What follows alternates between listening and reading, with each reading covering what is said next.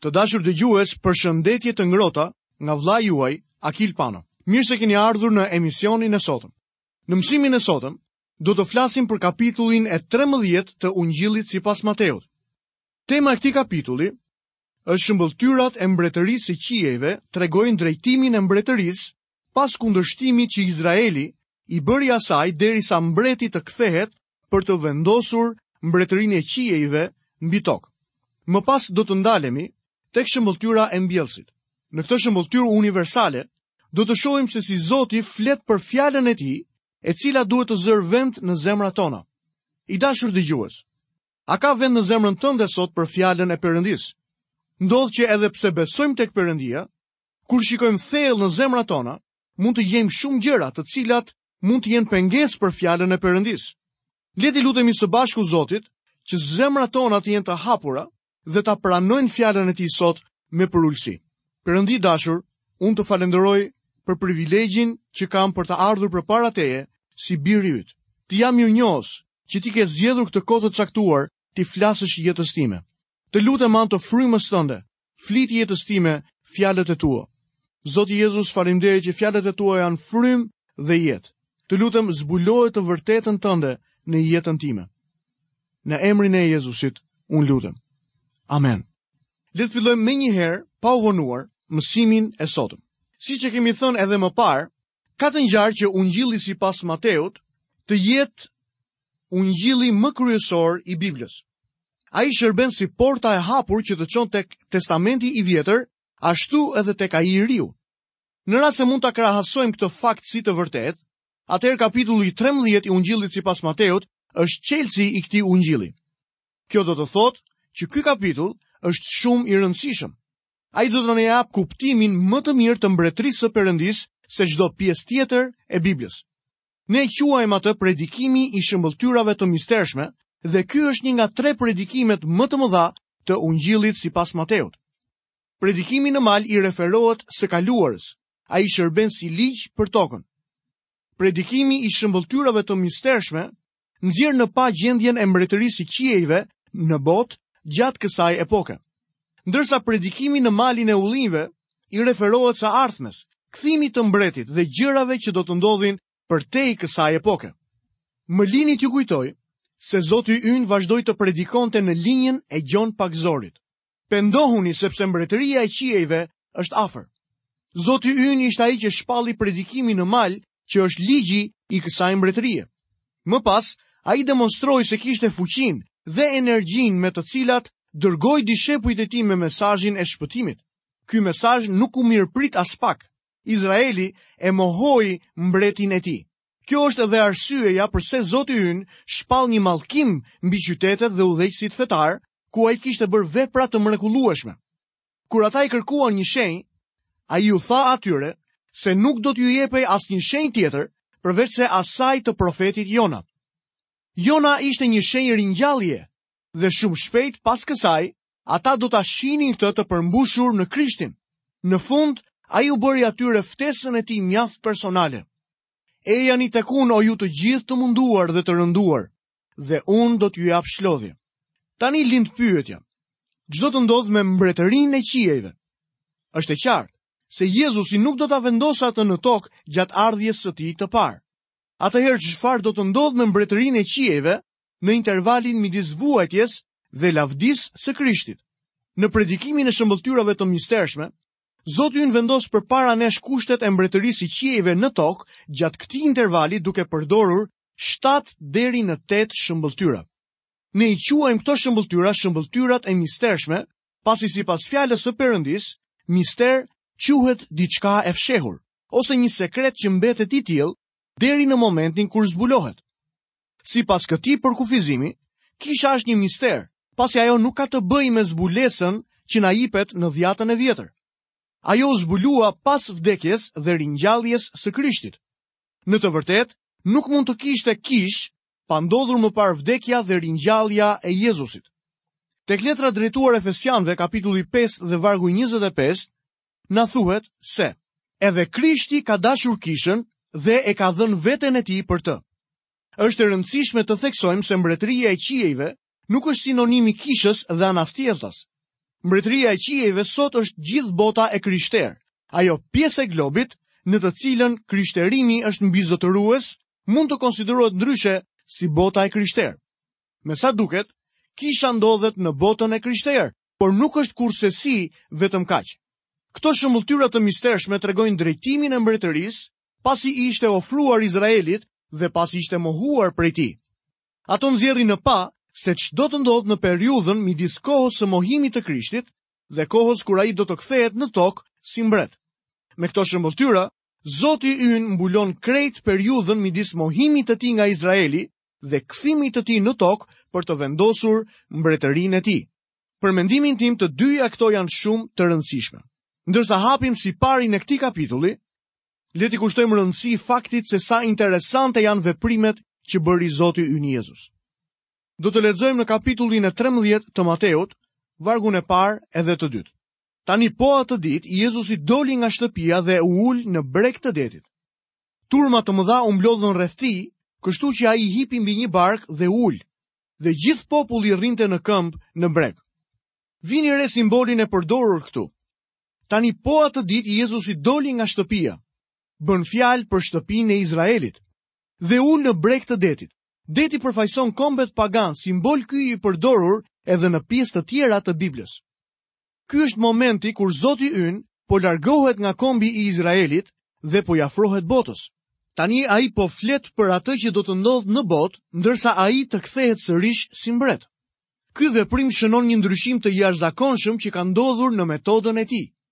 Për ta dëgjuar atë në breg të detit, ishin mbledhur turma të mëdha njerëzish, kështu që ai hipi në një barkë dhe filloi t'u fliste. Le të shohim shëmbëlltyrën e mbjellësit. Megjithëse në këtë kapitull Zoti ynë jep disa shëmbëlltyra, ai interpreton vetëm dy prej tyre, shëmbëlltyrën e mbjellësit dhe atë të grurit dhe egjrës. Interpretimi i tij shërben si manual udhëzues për simbolizmin e shëmbëlltyrave të tjera. Për shembull, në shëmbëlltyrën e mbjellësit, zogjtë përfaqësojnë Satanin. Kur ai përdor simbolin e zogjve në një shëmbëlltyrë tjetër, mund të jemi të sigurt se nuk përfaqësojnë ndonjë gjë të mirë. Ne duhet ta ndjekim interpretimin e Zotit dhe ta bëjmë këtë me përpikmëri. Shëmbëlltyra e mbjellësit është e para e shëmbëlltyrave të mistershme dhe mund të konsiderohet si themeli i të gjitha atyre. Le të lexojmë vargun e tretë. Dhe ai u paraqiti shumë gjëra në shëmbëlltyrë, duke thënë: Ja, një mbjellës doli për të mbjellë. Do të vazhdoj më tej duke ju dhënë interpretimin që Zoti jep për mbjellësin. Më vonë, ai na tregon se mbjellësi është biri i njeriut kurse fara përfaqëson fjalën e Perëndisë. Lexojmë më poshtë vargjet 4 deri në 8. Ndërsa po mbillte, një pjesë e farës ra përgjatë rrugës dhe zogjtë erdhën dhe e hëngrën. Një pjesë tjetër ra në një gurishte ku nuk kishte shumë tokë dhe mbiu shpejt sepse terreni nuk ishte i thellë. Por kur doli dielli, u fishk dhe u tha, sepse s'kishte rënjë. Një pjesë tjetër ra midis ferrave dhe ferrat u rritën dhe ia zunë frymën. Një tjetër ra në tokë të mirë dhe dha fryt, duke dhënë njëra 100 fish tjetra 60 fish dhe tjetra 30 fish. Mbjellja e farës ishte pamja më e zakonshme në Palestinë. Para se të bënin këtë, njerëzit lëronin sipërfaqen e tokës me një parmendë të sajuar. Kishte raste kur nuk iu duhej shumë për ta bërë këtë gjë. Pastaj mbjellësi shkonte dhe hidhte farat mbi tokë. Edhe në kohën tonë, gjatë periudhës së pranverës, Pamja që të ofrohet ngado në vend është ajo e fermerëve që mbjellin grurë, misër dhe pambuk. Pa dyshim që kjo është një pamje e zakonshme, me ndryshimin që ne sot mbjellim me makina mbjellëse dhe jo me dorë si asokohe. Siç kam thënë edhe më parë, mbjellësi përfaqëson Zotin Jezus dhe për këtë mësojmë nga shëmbëlltyra e grurit dhe e egjrës në vargun 37. Zoti Jezus është ai që mbjell farën, dhe mua më duket se kjo përcakton më së miri atë që ai bën sot në tokë. Ai ishte mbreti e megjithatë, ai i la mënjanë petkat e tij mbretërore dhe sot po bën punën e fermerit duke mbjellë farën, por duke qenë ende mbret. Sipas vargut 19, fara përfaqëson fjalën e Perëndisë. Ara simbolizon botën. Vini re se ajo është bota dhe jo kisha. Këtu po flitet për situatën në botë. Mendoj se pamja ngjan kështu. Në këtë botë gjendet kisha dhe jashtë saj turma njerëzish që nuk e kanë pranuar ende Krishtin. Fjala e Perëndisë u është dhënë të gjithëve. Njëri e pranon, ndërsa tjetri jo. Puna jonë është të vazhdojmë të mbjellim farën, sidoqë jo të gjithë do ta pranojnë atë. Zoti Jezus është në ngarkim të të gjithë këtij programi për mbjelljen e farës. Ai më ka dhënë edhe mua një copë tokë ku mund të punoj, dhe detyra ime është të mbjell farën. Ky është një nga momentet ku dua të jem mjaft specifik. Tani është koha për të mbjellë farën. Nuk dua të dukem si dikush që kërkon qimen në vezë, por pamja e kohës sonë nuk janë të korrat. Por mund të thotë dikush, a nuk tha Krishti, lutuni për të korra? Po prandaj le t'i kthehemi edhe një herë këtij argumenti. Për t'iu kthyer këtij argumenti, le t'i lexojmë edhe një herë vargjet 36 deri në 38 të kapitullit të nëntë të ungjillit sipas Mateut. Duke parë turmat, kishte dhembshuri për to, sepse ishin të lodhur dhe të shpërndarë, si delet pa bari. Atëherë ai u tha dishepujve të vet. E korra është me të vërtetë e madhe, por punëtorët janë pak. Lutjuni pra Zotit të të korrave të dërgojë punëtorë në të korrat e tij. Kjo pjesë ndodh pikërisht përpara se Zoti të dërgojë apostujt e tij tek delet e humbura të shtëpisë së Izraelit. Epokës së ligjit po i vinte fundi. Koha e të korrave vjen pasi është bërë së pari mbjellja e farës. Fara ishte mbjellë për një periudhë prej më se 1500 vjetësh nën ligjin. Më pas erdhi koha e të korrave që shënoi një epokë të re dhe një sistem të ri fetar. Ka një kohë për të korrur në fund të njërës epokë, ashtu siç ka edhe një kohë për të mbjellë në fillim të një epoke tjetër.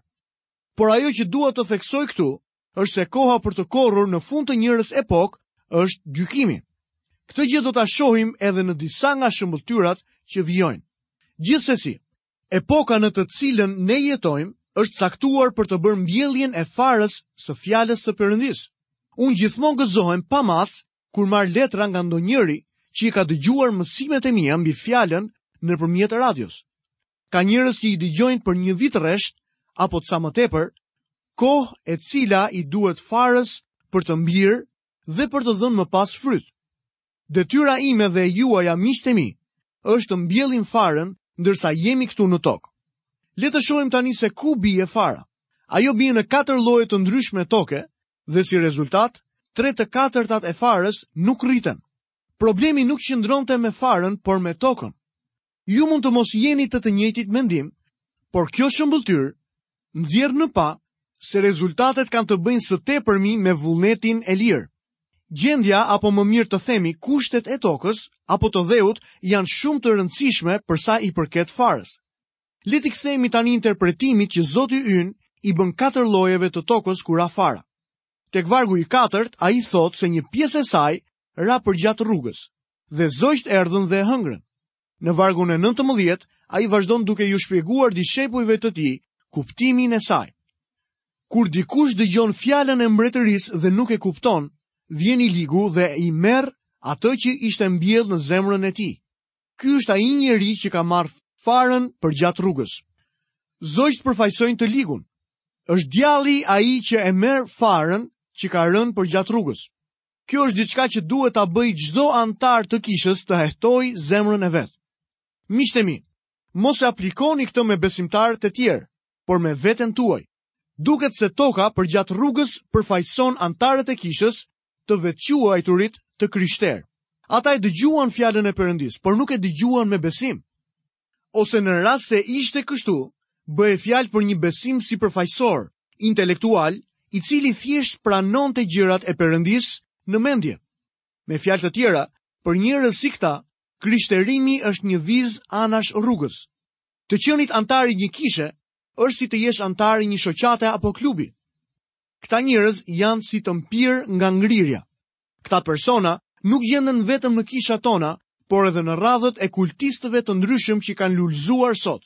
Grupi i dytë përfaqësohet nga gurishtja.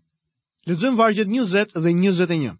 Dhe ai që ka marrë farën në gurishte është ai që dëgjon fjalën dhe e pranon menjëherë me gëzim, por nuk ka rrënjë në vetvete dhe është për pak kohë dhe kur vijnë mundimi ose përndjekja për shkak të fjalës, skandalizohet menjëherë. Njerëzit e simbolizuar nga gurishtja janë krejt e kundërta e grupit të parë të njerëzve. Ashtu siç djalli e largoi fjalën nga dëgjuesit përgjatë rrugës, ashtu edhe mishi është fajtor për grupin e dytë. Në vend që të jenë të mpirë nga ngrirja, ata janë brenda furrës të ngrohtë, emocionalë me lot në sy dhe mjaft të prekshëm. Këta njerëz unë i quaj ndryshe dhe të krishterë të gazuar. Ata janë si pije me gaz. Gjatë shërbesave tërheqin aq vëmendje sa dhe raketat në vendin e lëshimit, por nuk arrijnë kurrë të dalin në orbitë. Sipas meje, ata i përkasin tipit Kaliforniano Jugor. Ata kanë zell dhe energji gjatë takimeve të veçanta, por katandisen si qirinj të konsumuar romakë kur këto takime mbarojnë. Para disa vitesh, gjendesha në vagonin e pasmë të një treni që shkonte përmes Kansasit. Mbi shinat e trenit, dikush kishte hedhur një gazetë. Ndërsa treni vazhdoi të rendte me shpejtësi, gazeta u ngrit lart në ajër dhe filloi të fluturonte kuturu. Sapo treni e la prapa gazetën, ajo u ul sërish mbi shina dhe kësisoj nuk lëvizi më. Ndërsa ia ngula sytë gazetës që mbeti sërish mbi shina, mendova. Ajo gazetë ngjan me shumë të ashtuquajtur të krishterë. Kur ka një takim mbresëlënës, ata entuziazmohen shumë, por nuk kanë marrëdhënie të vërtetë me Krishtin. Me një fjalë, ajo që përjetojnë më tepër tipat e simbolizuar me gurishten janë thjesht kulmet emocionale. Grupi i tretë i dëgjuesve është grupi që simbolizohet nga ferrat. Lexojmë vargun e 22. Dhe ai që ka marrë farën midis ferrave, është ai që e dëgjon fjalën, por shqetësimet e kësaj bote dhe mashtrimet e pasurisë ia mbysin fjalën dhe ajo bëhet e pafrytshme. Në rastin e këtyre njerëzve, është bota ajo që nuk e lejon fjalën e Perëndisë të japi fryt tek ata. Djalli ishte ai që merrej me njerëzit përgjatë rrugës, mishi kishte nën kujdesin njerëzit e gurishtes Ndërkohë që bota mbyt fjalën te kjo kategori njerëzish. Tani dalin në skenë shqetësimet e kësaj bote. Ndonjëherë bëhet fjalë për varfërinë dhe ndonjëherë për mashtrimin nga pasuritë. Është mjaft interesante të shohësh se janë pikërisht njerëzit në secilin skaj të spektrit shoqëror, pra më të varfrit dhe më të pasurit, ata që janë më të vështirët për t'u fituar për Krishtin. Çdo ditë shoh se si ka shumë njerëz të cilët i kanë lejuar shqetësimet e kësaj bote ta mbysin fjalën e Perëndisë që është në ta. Këto lloje të tokës nuk përfaqësojnë tre lloje besimtarësh. Ata në fakt nuk janë aspak të tillë. Ata e kanë dëgjuar fjalën dhe thjesht kanë deklaruar se e kanë pranuar dhe e kanë marrë atë.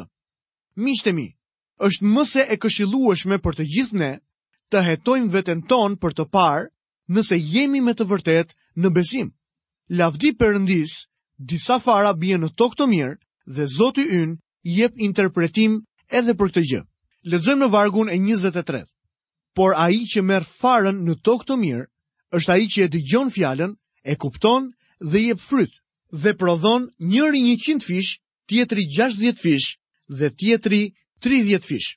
Këta janë dëgjuesit që e kuptojnë fjalën e Perëndisë kur e marrin. Ca prej tyre nuk prodhojnë shumë frut, vetëm 30 fish, por ka edhe të tjerë që prodhojnë 100 fish. Fjala e Perëndisë duhet të kuptohet. Siç mund edhe ta mbani mend, eunuku etiopas po lexonte nga fjala, por megjithëse dëshironte shumë, nuk arrinte ta kuptonte. Kështu që fryma e Perëndisë e solli atje Filipin, sikur ky i fundit të kishte bërë autostop. Ai udhëtoi pak me eunukun etiopas dhe i dha atij një biletë për në parajsë.